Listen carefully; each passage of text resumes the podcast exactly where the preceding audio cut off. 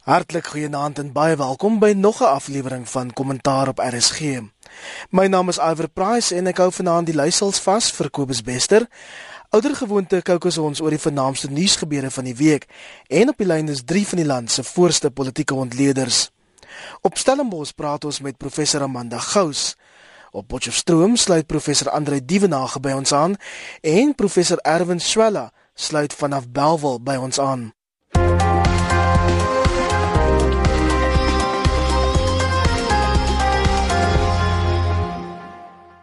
Kom ons begin by die Afrika-China beraad wat die week in Johannesburg gehou is en president Xi Jinping van China reken 'n nuwe era het aangebreek dis nou die samewerking tussen die lande en Suid-Afrika. Altesaame 29 ooreenkomste ter waarde van 94 miljard rand is onderteken en meneer Zuma voel dit was 'n sakegesprek tussen gelykes. The signing of 26 agreements that are worth 94 billion rand. The volume of agreements indicates the amount of work that has been done in the past few months. We agree that more could and should be done to increase our trade and investment figures. Nou Erwin, jy het gehoor wat die president sê? Was dit regtig 'n beraad van gelykes of het Suid-Afrika voor China bakkant gestaan? Hy wil eerstens uh, dis vir my besonder interessant dat jy die 94 miljard reg het en nie 94 biljoen nie. En dit sê ook sommer hoeveel geld ons van praat. Dis dan 94000 miljoen uh rand uh, wat 'n ongelooflike hoeveelheid geld is. Nou as 'n mens so iets ontvang, dan begin jy sommer al met die aanname dat uh, die ontvanger is nie in dieselfde posisie as die gewer nie.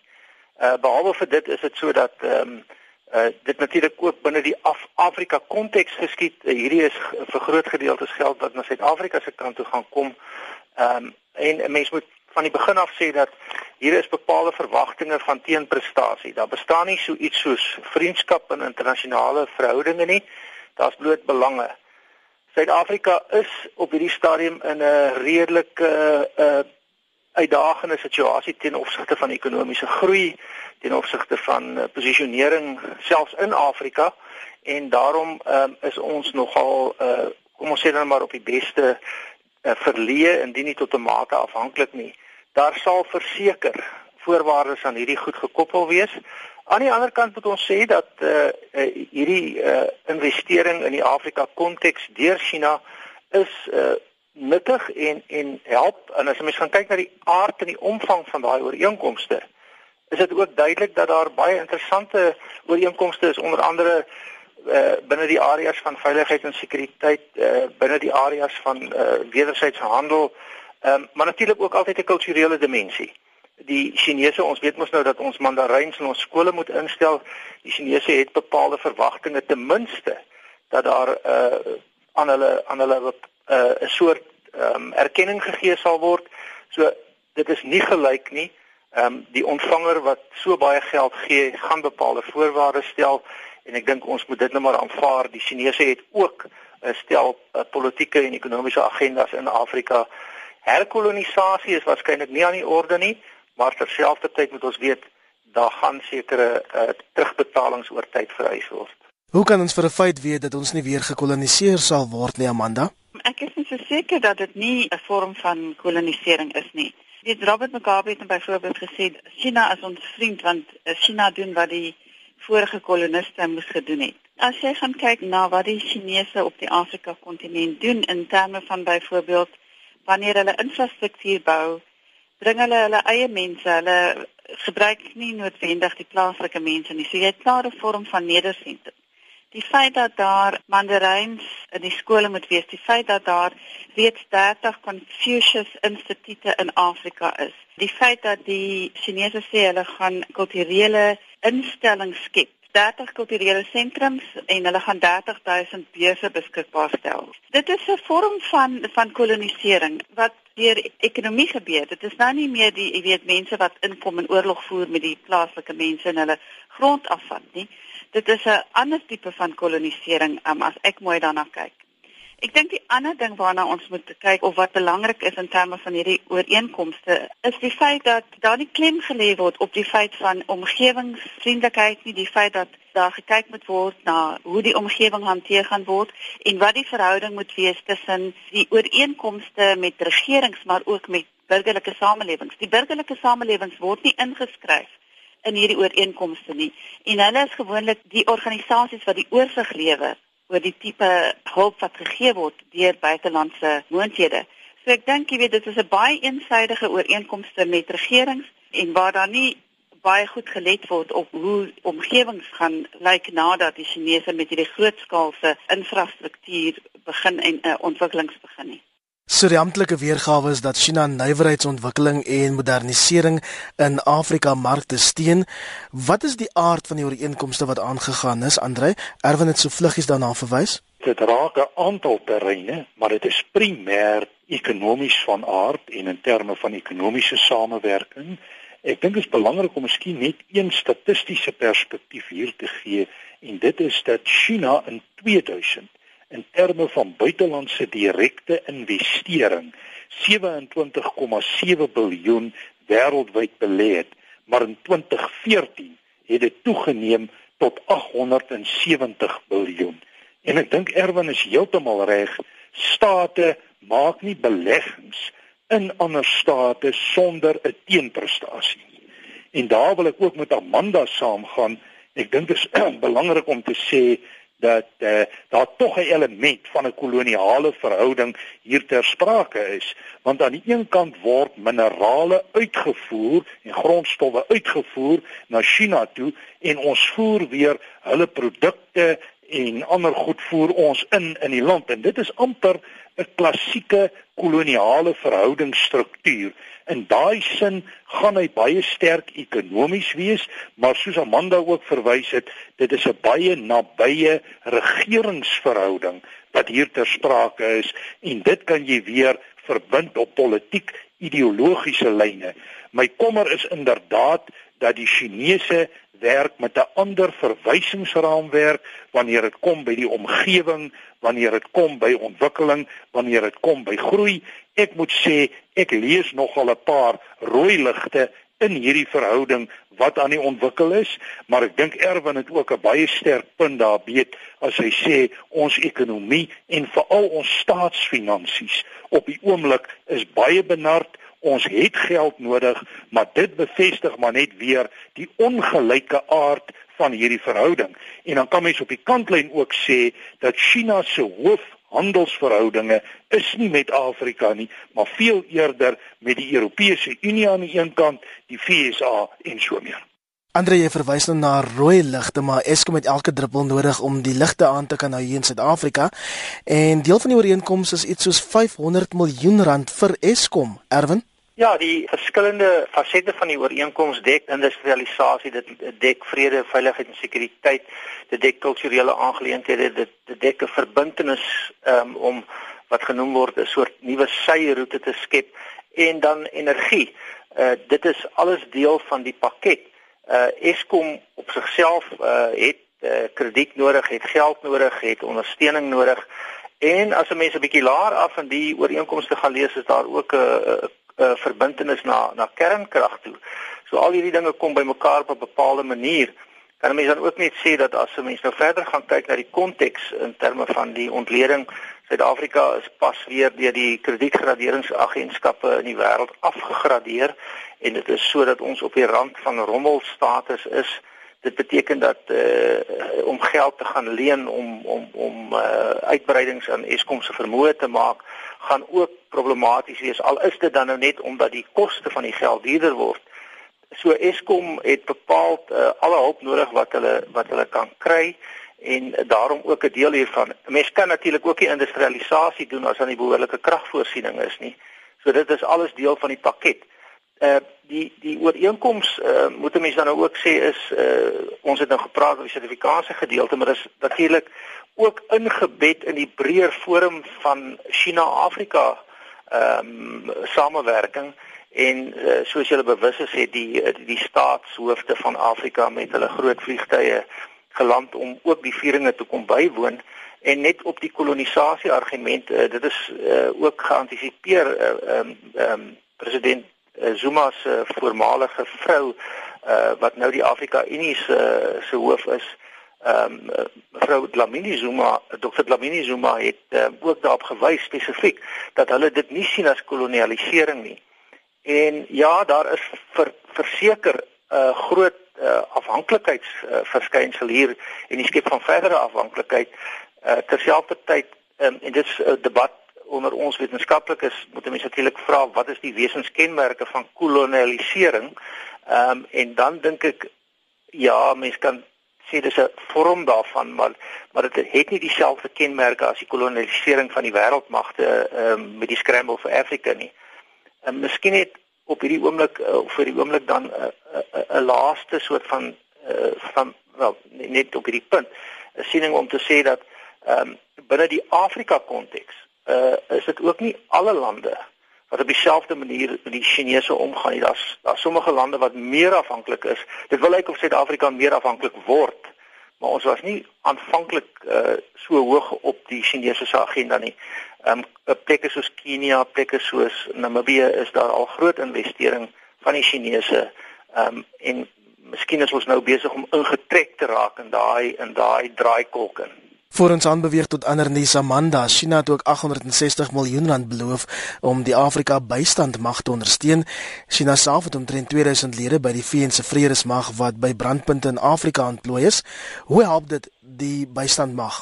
Ek dink dit is belangrik omdat daar soveel konflik op die kontinent is en dat daar nie genoeg uh, magte is om die konflik te hanteer nie wat weet uitgeplaas kan word en nog steeds ook die werk moet doen wat hulle op ander plekke moet doen nie. So Ek dink dit is belangrik, maar mense moet ook dink aan die ander kant. So nou het jy basiese militêre mag van China in op die kontinent. Jy weet dit kan gebruik word vir alle ander rande doeleindes. Ek sê nie dit sal nie. Ek is nie so oortuig as Erwin daarvan dat dit nie 'n vorm van kolonisasie is. Hoe groter die afhanklikheid word van China, hoe meer mag en hoe meer teenprestasie sal daar moet wees. En dis 'n ding wat oor tyd opgebou word.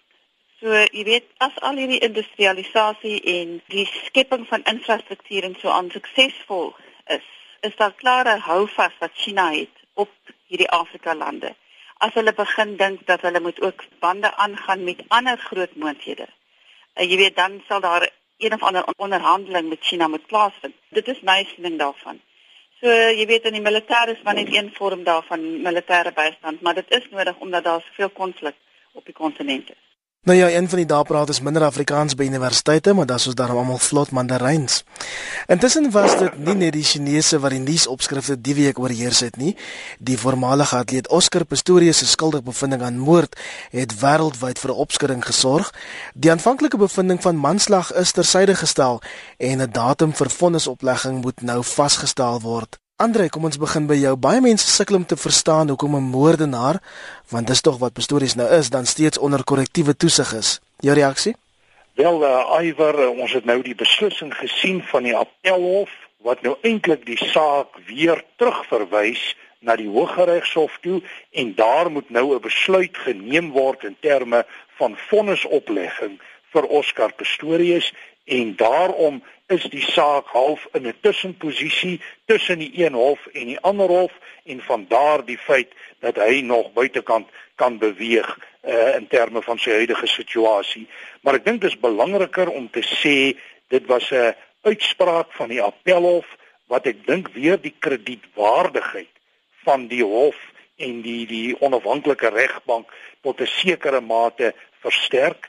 Dit is definitief 'n korrekte uitspraak na my oordeel en dit wys vir ons dat die vlakke van ons howe tog funksioneer dat jy kan beweeg van een vlak na 'n volgende vlak daar 'n wysiging kan plaasvind. Ek dink dit is positief en ek dink die regstelsel het relatief positief gekom uit die Oscar saak in terme van waar dit nou staan Die openbare reaksie self is nogal veelzeggend erwen. Daar is soveel mense wat glo dat die media bloedlustig is omdat hulle na Pistorius as 'n moordenaar verwys. Hoe voel jy daaroor? Die hof het Pistorius bevind as 'n moordenaar, so die media rapporteer maar wat die hof sê. En uh, ek moet sê dat ek het na die regter se uitspraak, regter Leach se uitspraak geluister en dit is altyd vir my 'n uh, uh, besonder om die uh, beredeneerdheid en die kwaliteit van regspraak te kan hoor in Suid-Afrika.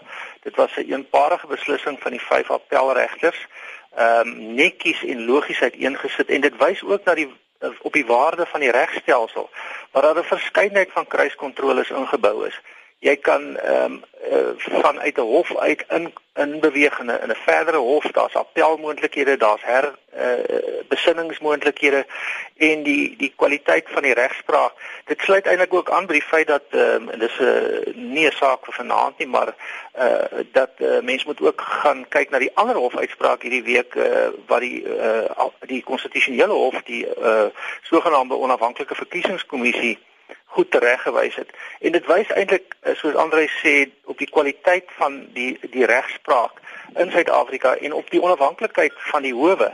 Uh dit is natuurlik iets wat uh, vir die ANC waarskynlik nie so goed op die oor val nie. Ehm um, uh, want uh, die ANC wil 'n hegemoniese beheer oor universiteite, oor media, oor die regspraak, oor alles vestig. Dis dalk 'n ander punt. Terug by die Pistorius saak. Die Pistorius saak dink ek is 'n uh, is 'n aanduiding van hoe die reg stadig maar seker werk en dat in die meeste gevalle geregtigheid geskied. Die een aspek wat 'n mens natuurlik ook nog moet na gaan kyk is alhoewel die regspraak goed vaar, alhoewel die die howe ehm um, onafhanklik is, is dit toeganklikheid tot howe. Uh, Oscar Pistorius kon uh, die aanvanklike uitslag kry wat hy gekry het op grond van die feit dat hy uitstekende regs uh opinie kon kry, uitstekende regsverteenwoordiger kon kry.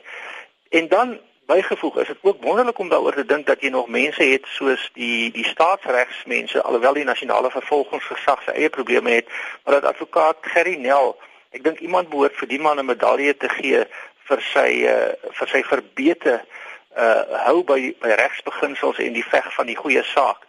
Dis binne die openbare sektor, binne die uh, nasionale vervolgingsgesag binne die regstelsel is daar nog tekens van uitnemendheid. Maar ek dink dit sal onder druk kom as gevolg van die feit dat eh, 'n uh, hegemoniese staatsgesag onderdruk eintlik alle onafhanklikheid ook die van universiteite en so wil vernietig. Kom ons hou vas aan wat ons nou het en wees daarvoor dankbaar. Interessant genoeg is die einste regter Tokozile Masipa nou die een wat Pistorius se nuwe vonnis gaan moet oplê Amanda.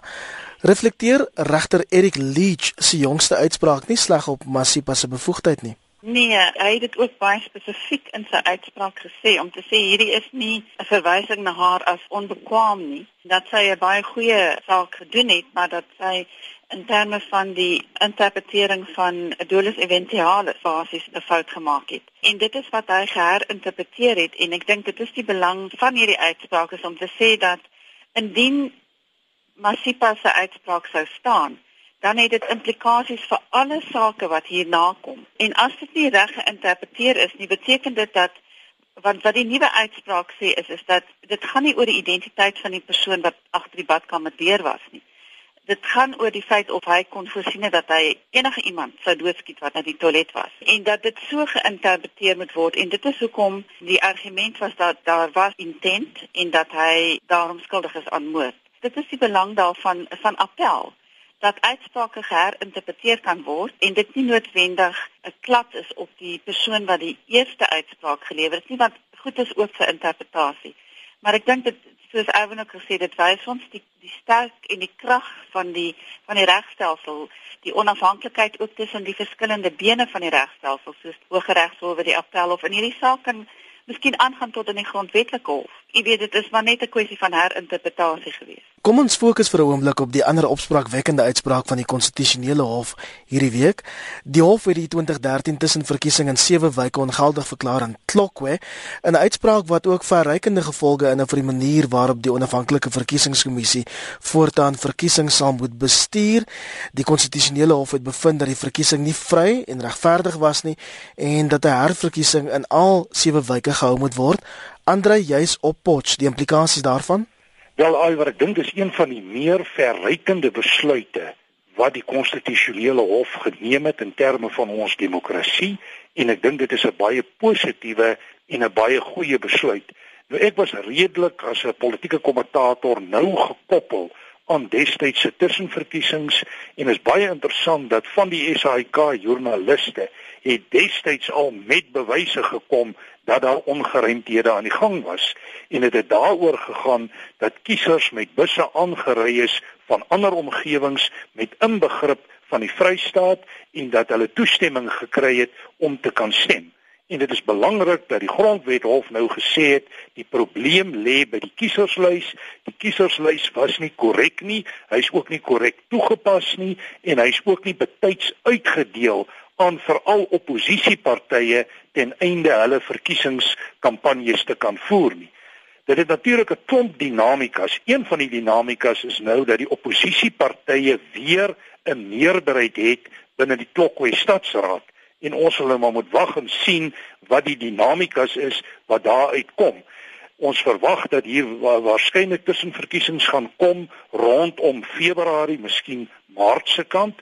En wat belangrik is, dit hang saam met die opening van die universiteit en die toelatingsprosesse hier op die kampus wat ons reeds weet omstrede is as gevolg van dit wat binne die universiteitssektor aan die gang is. So hier's 'n klomp dinamikas wat hulle kan uitspeel en dan moet ons 'n gedagte hou, ons hou hier tussen verkiesings net voor die nasionale plaaslike verkiesings wat waarskynlik iewers in Mei gaan plaasvind. Maar terug by die grondwetlike hof, ek dink die uitspraak is 'n belangrike uitspraak met verrykende implikasies vir die OVK. Die OVK sal sy huis in orde moet kry voor die volgende verkiesing. Daar's nie baie tyd oor nie en my indruk is op die oomblik as ek die politieke dinamikas lees dat dit 'n groot konflikterende verkiesing kan wees nie net in Potchefstroom Klokwe nie, maar ook in ander dele. Dis duidelik die ANC is onder druk.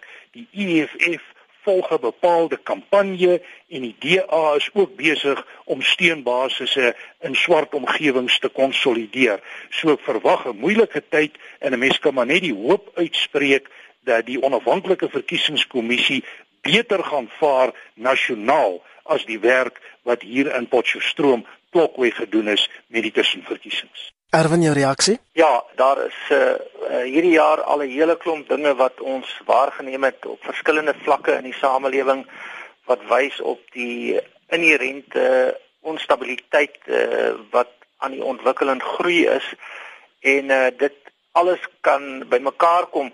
Ek dink 'n mens sit met die dilemma dat uh, as 'n mens nou ook kyk na die na die droogte, as jy kyk na 'n klomp van hierdie omstandighede, dan en dis nou nog nie heeltemal die tyd vir vooruitskouing nie. Miskien moet ons nog kyk na wat in 2015 gebeur het.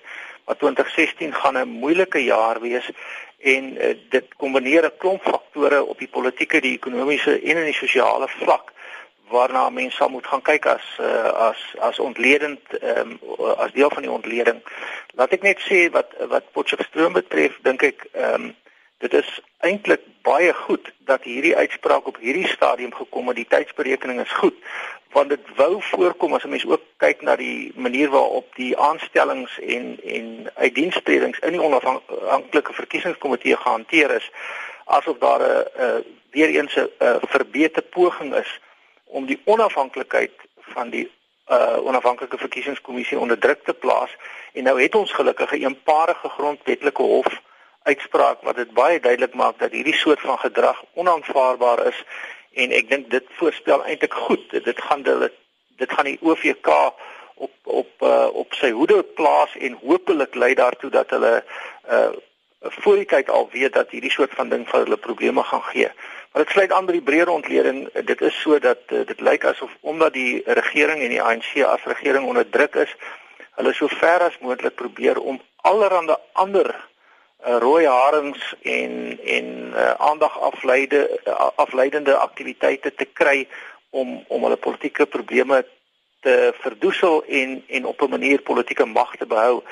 Dit lyk asof daar 'n toenemende en 'n deurlopende aanslag is op die onafhanklikheid van onafhanklike instellings en gelukkig is die OVK nou uh op hierdie by hierdie geleentheid deur die deur die grondwethof ehm um, tereggewys en hopelik het ons daarom 'n beter kans om volgende jaar uh, nader te kom aan 'n vrye en regverdige verkiesing. Amanda die OVK was nog altyd 'n gerespekteerde instelling wat oor die laaste 20 jaar geloofwaardige verkiesings gereël het, maar klink vir my hy sal dringend sy huis in orde moet kry.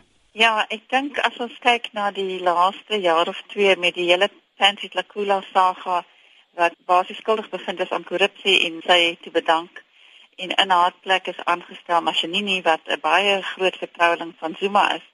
Met 'n mens die vraag vra, kompromiteer dit die onafhanklikheid van die OVK?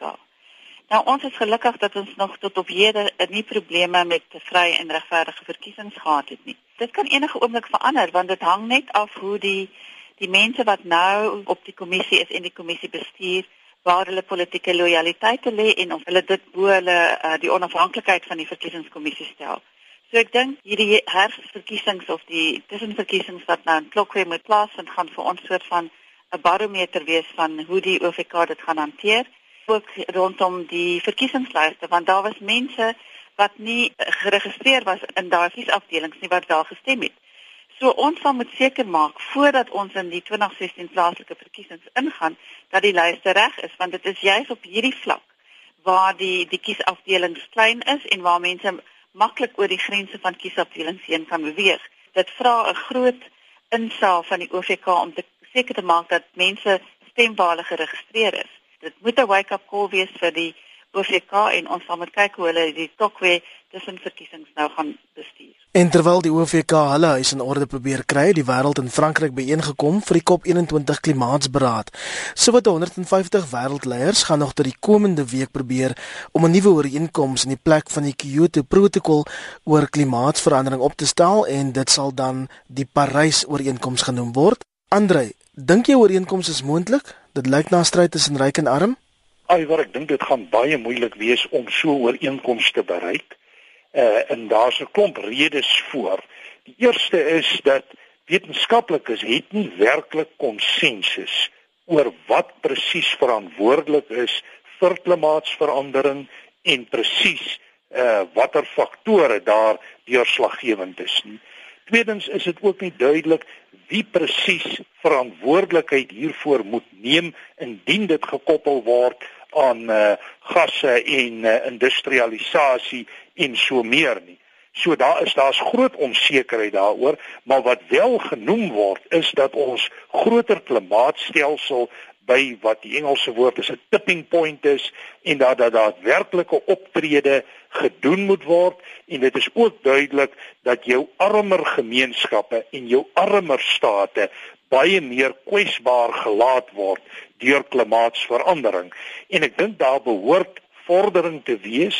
Mense sou maar moet sien tot watter mate die 195 state op 'n manier konsensus kan bereik, maar dit beteken maar in effek dat groot hoeveelhede geld van jou ryker lande geneem moet word en in 'n fonds geplaas moet word om hierdie probleme en uitdagings te hanteer. Wat wel vir my interessant is, is dat 'n staat so China waaroor ons vroeër gepraat het, eintlik baie skuldig is in terme van koolsuurgasse, maar homself posisioneer by die ontluikende ekonomieë en dit wil sê 'n ander soortige politieke posisie inneem. Dit lyk vir my of die vergadering tot 'n groot mate politieke ondertone het en as dit eers op 'n sterk politieke lyn begin beweeg, dan is ek bereid om te sê dat ooreenkomste waarskynlik moeiliker tot stand gaan kom en moeilik geïmplementeer kan word. Suid-Afrika is uiteraard in 'n ideale posisie om hy kloof tussen ryk en arm lande te vernou, juis weens ons BRICS-vriendskappe erwen. Maar weet ons wat ons standpunt by COP21 is? Nou Suid-Afrika is in 'n besondere posisie hier omdat ons eintlik weer eens 'n hibrid is tussen die ontwikkelde en die ontwikkelende wêreld en terselfdertyd uh, terwyl ons aan die een kant sou kon redeneer ons uh, as deel van die ontwikkelende wêreld minder uh, skuld en probleme het, uh, is dit sodat ons eie manier van uh, kragopwekking, ons eie manier van um, ons ekonomie en ons uh, industrie inrig skep ons eintlik baie kweekhuisgasse en is ons eintlik uh, aan die verkeerde kant van daai vergelyking. Terselfdertyd is dit ook so dat uh um, Suid-Afrika kan hier 'n tussengangersrol speel omdat ons is deel van BRICS. Uh ons het 'n uh, verbintenis ehm um, nog steeds met die die die ontwikkelde wêreld. Ehm um, die dilemma is natuurlik dat uh Amerika en China is in in totaal gesamentlik verantwoordelik vir meer as 'n derde van die van die besoedelende uitlaatgasse. So hulle het 'n uh, groot nywerheidslande, hulle het groot bevolkings wel China 'n uh, 'n uh, uh, uh, baie groot bevolking, Amerika ook 'n groot bevolking en as hulle nie tot een of ander vorm van 'n vergelyk kan kom nie. Ehm um, dit is sodat uh, dit is nou ehm um, belangrik om te kyk na die verlede. Ehm um, maar mense sê ons ons kan nie wag op hierdie mense of op Amerika en China om hulle om hulle ehm um, gasse af te skaal nie. Ehm um, en hulle gaan ook nie want hulle moet hulle bevolkings op een of ander manier aan die gang hou. Uh, as mens daarop let net dat uh, Amerika het deurgaans geweier om die Kyoto protokol te teken. Hulle het hulle self nie daaraan verbind nie. Wat aan die positiewe kant gesê kan word is dat China en Amerika het eintlik al reeds 'n uh, bilaterale ooreenkoms uh, aangegaan om teen 2025 hulle uh, uh, skadelike uitlate te verminder uh, van 28% na 26%. So ek dink Andrei daar was ook vooronderhandelinge hier en dit wil lyk asof hier 'n ander benadering gevolg is waar dit nou nie van bo af uh, afgedwing word nie maar dat daar eintlik van onder af onderhandelinge is. Ek dink dus dat ons tog wel hier 'n mate van sukses kan sien en dit is ook absoluut noodsaaklik. Uh, as die wêreld se verwarming voortgaan op die trant wat dit nou is, dan is hierdie droogte wat ons op die oomblik in Suid-Afrika sien, is eintlik nog maar 'n vulletjie teen wat kan kom en wat ons nou het is alreeds erg problematies. So ja, ek hoop dat dit suksesvol sal wees. Ek dink daar's aanduidings dat daar natuurlik groot magte is wat hier speel, maar dit lyk tog asof daar 'n aanvaarding kom en 'n 'n kentering kom om te sê as ons nie hieraan gaan werk nie, is ons almal uiteindelik daarmee heen. Amanda, jou reaksie? As ons van kyk waar hulle toe in Kopenhagen was. Op hierdie stadium was het hulle met 'n verskriklike dik dokument gesit wat hulle moes deurwerk. Wat hulle sê nou op die stadium waar hulle nou is, hoeveel dae in die onderhandelinge, en het hulle 'n baie dun dokument met sterk beginsels wat die leiers wat dink dat dit makliker onderhandelbaar sal wees om tot 'n ooreenkoms te kom.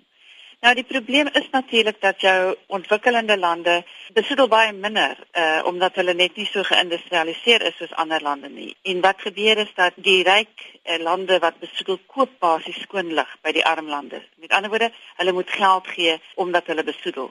Nou dit is deel van die die problematiese onderhandeling omdat die ontwikkelende lande sê daai uh, verdeling word nie regverdig gedoen nie. Hulle trek nog steeds aan die kortste eind. So ek dink daai noord noordsuid, die globale noordsuid gaping is groot en dat daar um, allerlei probleme daar rondom is. Die idee is dat daar ooreengekom het word dat hierdie kweekhuisgasse nie moet bydra dat daar 'n 2 grade temperatuurverandering is nie. Nou 2 grade klink baie min, maar 2 grade is die tipping point en dan gaan ons verskriklike probleme hê, meer as wat ons reeds het. En dit is nie duidelik of almal onder die indruk is van hoe laat in die dag dit is in terme van klimaatsverandering nie. En ek dink dit is wat die groot onderhandeling is rondom hierdie 2 grade toename en as almal bereid is om in te sien hoe laat in die dag dit is, sal dit makliker wees om 'n ooreenkoms te bereik, maar soos uitgewys is, Amerika het nooit die Kyoto protokol onderteken nie of probeer implementeer nie. Nou het ons 'n nuwe protokol wat basies Kyoto moet vervang. En die Amerikaners is eintlik die grootste struikelblok in die weg. So mense moet kyk wat die Amerikaners in hierdie geval gaan doen. Kollegas, die tyd is besig om ons in te haal en daar's nog soveel waaroor ons vanaand sou kon praat. Onder andere Kosato se 30ste bestaanjaarvieringe. Ons gaan beslis oor die cricket praat, nie, maar kom ons praat vinnig oor die rugby. Op dieselfde dag van Pretoria se skuldige bevinding is die land ook geskok deur die skielike bedanking van die Springbok breier Heinike Meyer. Dit volg na die Bokke se treurige vertoning by die Wêreldbeker toernooi. Andre, Lyk my nie eens die ANC of Fikile Mbalula kon hom toe in sy pos hou nie. Jeslinda het vreeslik gespog dat hulle bankvas agter hom staan. Eiwer ja, ek dink die die kragte het hom maar ingehaal en ek dink mens moet die kragte ook maar gaan soek by Japan en by uh, eh, transformasie omgewing en so aan, maar ek dink dis dalk 'n goeie punt vir Heinike Meyer om uit te tree en 'n nuwe rigting in te slaan. Ek dink ons staan uh, op die vooraand van 'n nuwe era in rugby en ek dink dis miskien goed dat daar dan ander afrigters aangewys word om die proses vorentoe te neem. Ek dink natuurlik dat Heineke Meyer is 'n goeie afrigter. Ek glo die rugby omgewing is armer sonder hom, maar dit is nou maar so dat uh, elke afrigter het 'n vervaldatum en hy het sy vervaldatum bereik op hierdie stadium, maar ek dink ons moet ook vir hom dankie sê vir wat hy vir Suid-Afrikaanse rugby gedoen het onder uiters moeilike omstandighede. En alle oë nou op 'n uh, Mede-Kaap naar Alistair Kutse Erwin. Ja, eider miskien net om te sê uh, beide wat Heineke en Alistair verbind is miskien die gemeenskaplike kenmerk van alle Suid-Afrikaanse rugby afrigters. Jy kry eintlik net twee soorte. Die wat reeds bedank het en die wat nog gaan bedank. So, ehm um, ons sal maar moet sien wat wat van Alistair word in die in die Kaap is hy is hy hoogs geëerd en uh, is ons uh, WP en Stommers ondersteuners baie tevrede met sy prestasie uh rugby het verander. Uh die vraag is of hy nie vergelykbare soort rugby as as as Heineke Meyer ehm um, as deel uh, van sy opset het nie. Ehm um, laat ons dan ook sê uh, Heineke Meyer het nou sy uh stewel spreekwoordelik opgehang. Uh ek dink hy sou verkies het om dit op 'n hoër hoogtepunt op te hang wat gewoonlik die ideaal is. Maar ehm um, iets sal moet gebeur in rugby want uh rugby het op 'n manier tog vir ons iets beteken in die verlede op die oomblik dink ek is dit uh, nog een van daai dinge wat ons uh, taamlik uh, depressief en ongelukkig maak. Amanda Enige sport in Suid-Afrika wat moet transformeer, is daar 'n politieke agenda en dit maak dit baie keer baie moeilik vir afrigters om hulle hulle werk te doen. So 'n mens moenie die verpolitisering van sport vergeet nie. En mens moet maar net hoop dat die volgende afrigter iets kan doen aan daai politieke agenda. Nou ja, hopelik betaal hulle die nuwe bokbreier genoeg om al daai bagasie van Saru met waardigheid te kan dra. Dit bring ons aan die einde van vanaand se kommentaar hier op RSG. Baie dankie aan die politieke ontleeders, professor Amanda Gous van die Universiteit Stellenbosch, professor Erwin Swela van die Universiteit Stellenbosch se skool vir publieke leierskap en dan ook professor Andre Dievenage van die Noordwes Universiteit. My naam is Iver Price en ek groet tot môreoggend 6uur met Monitor.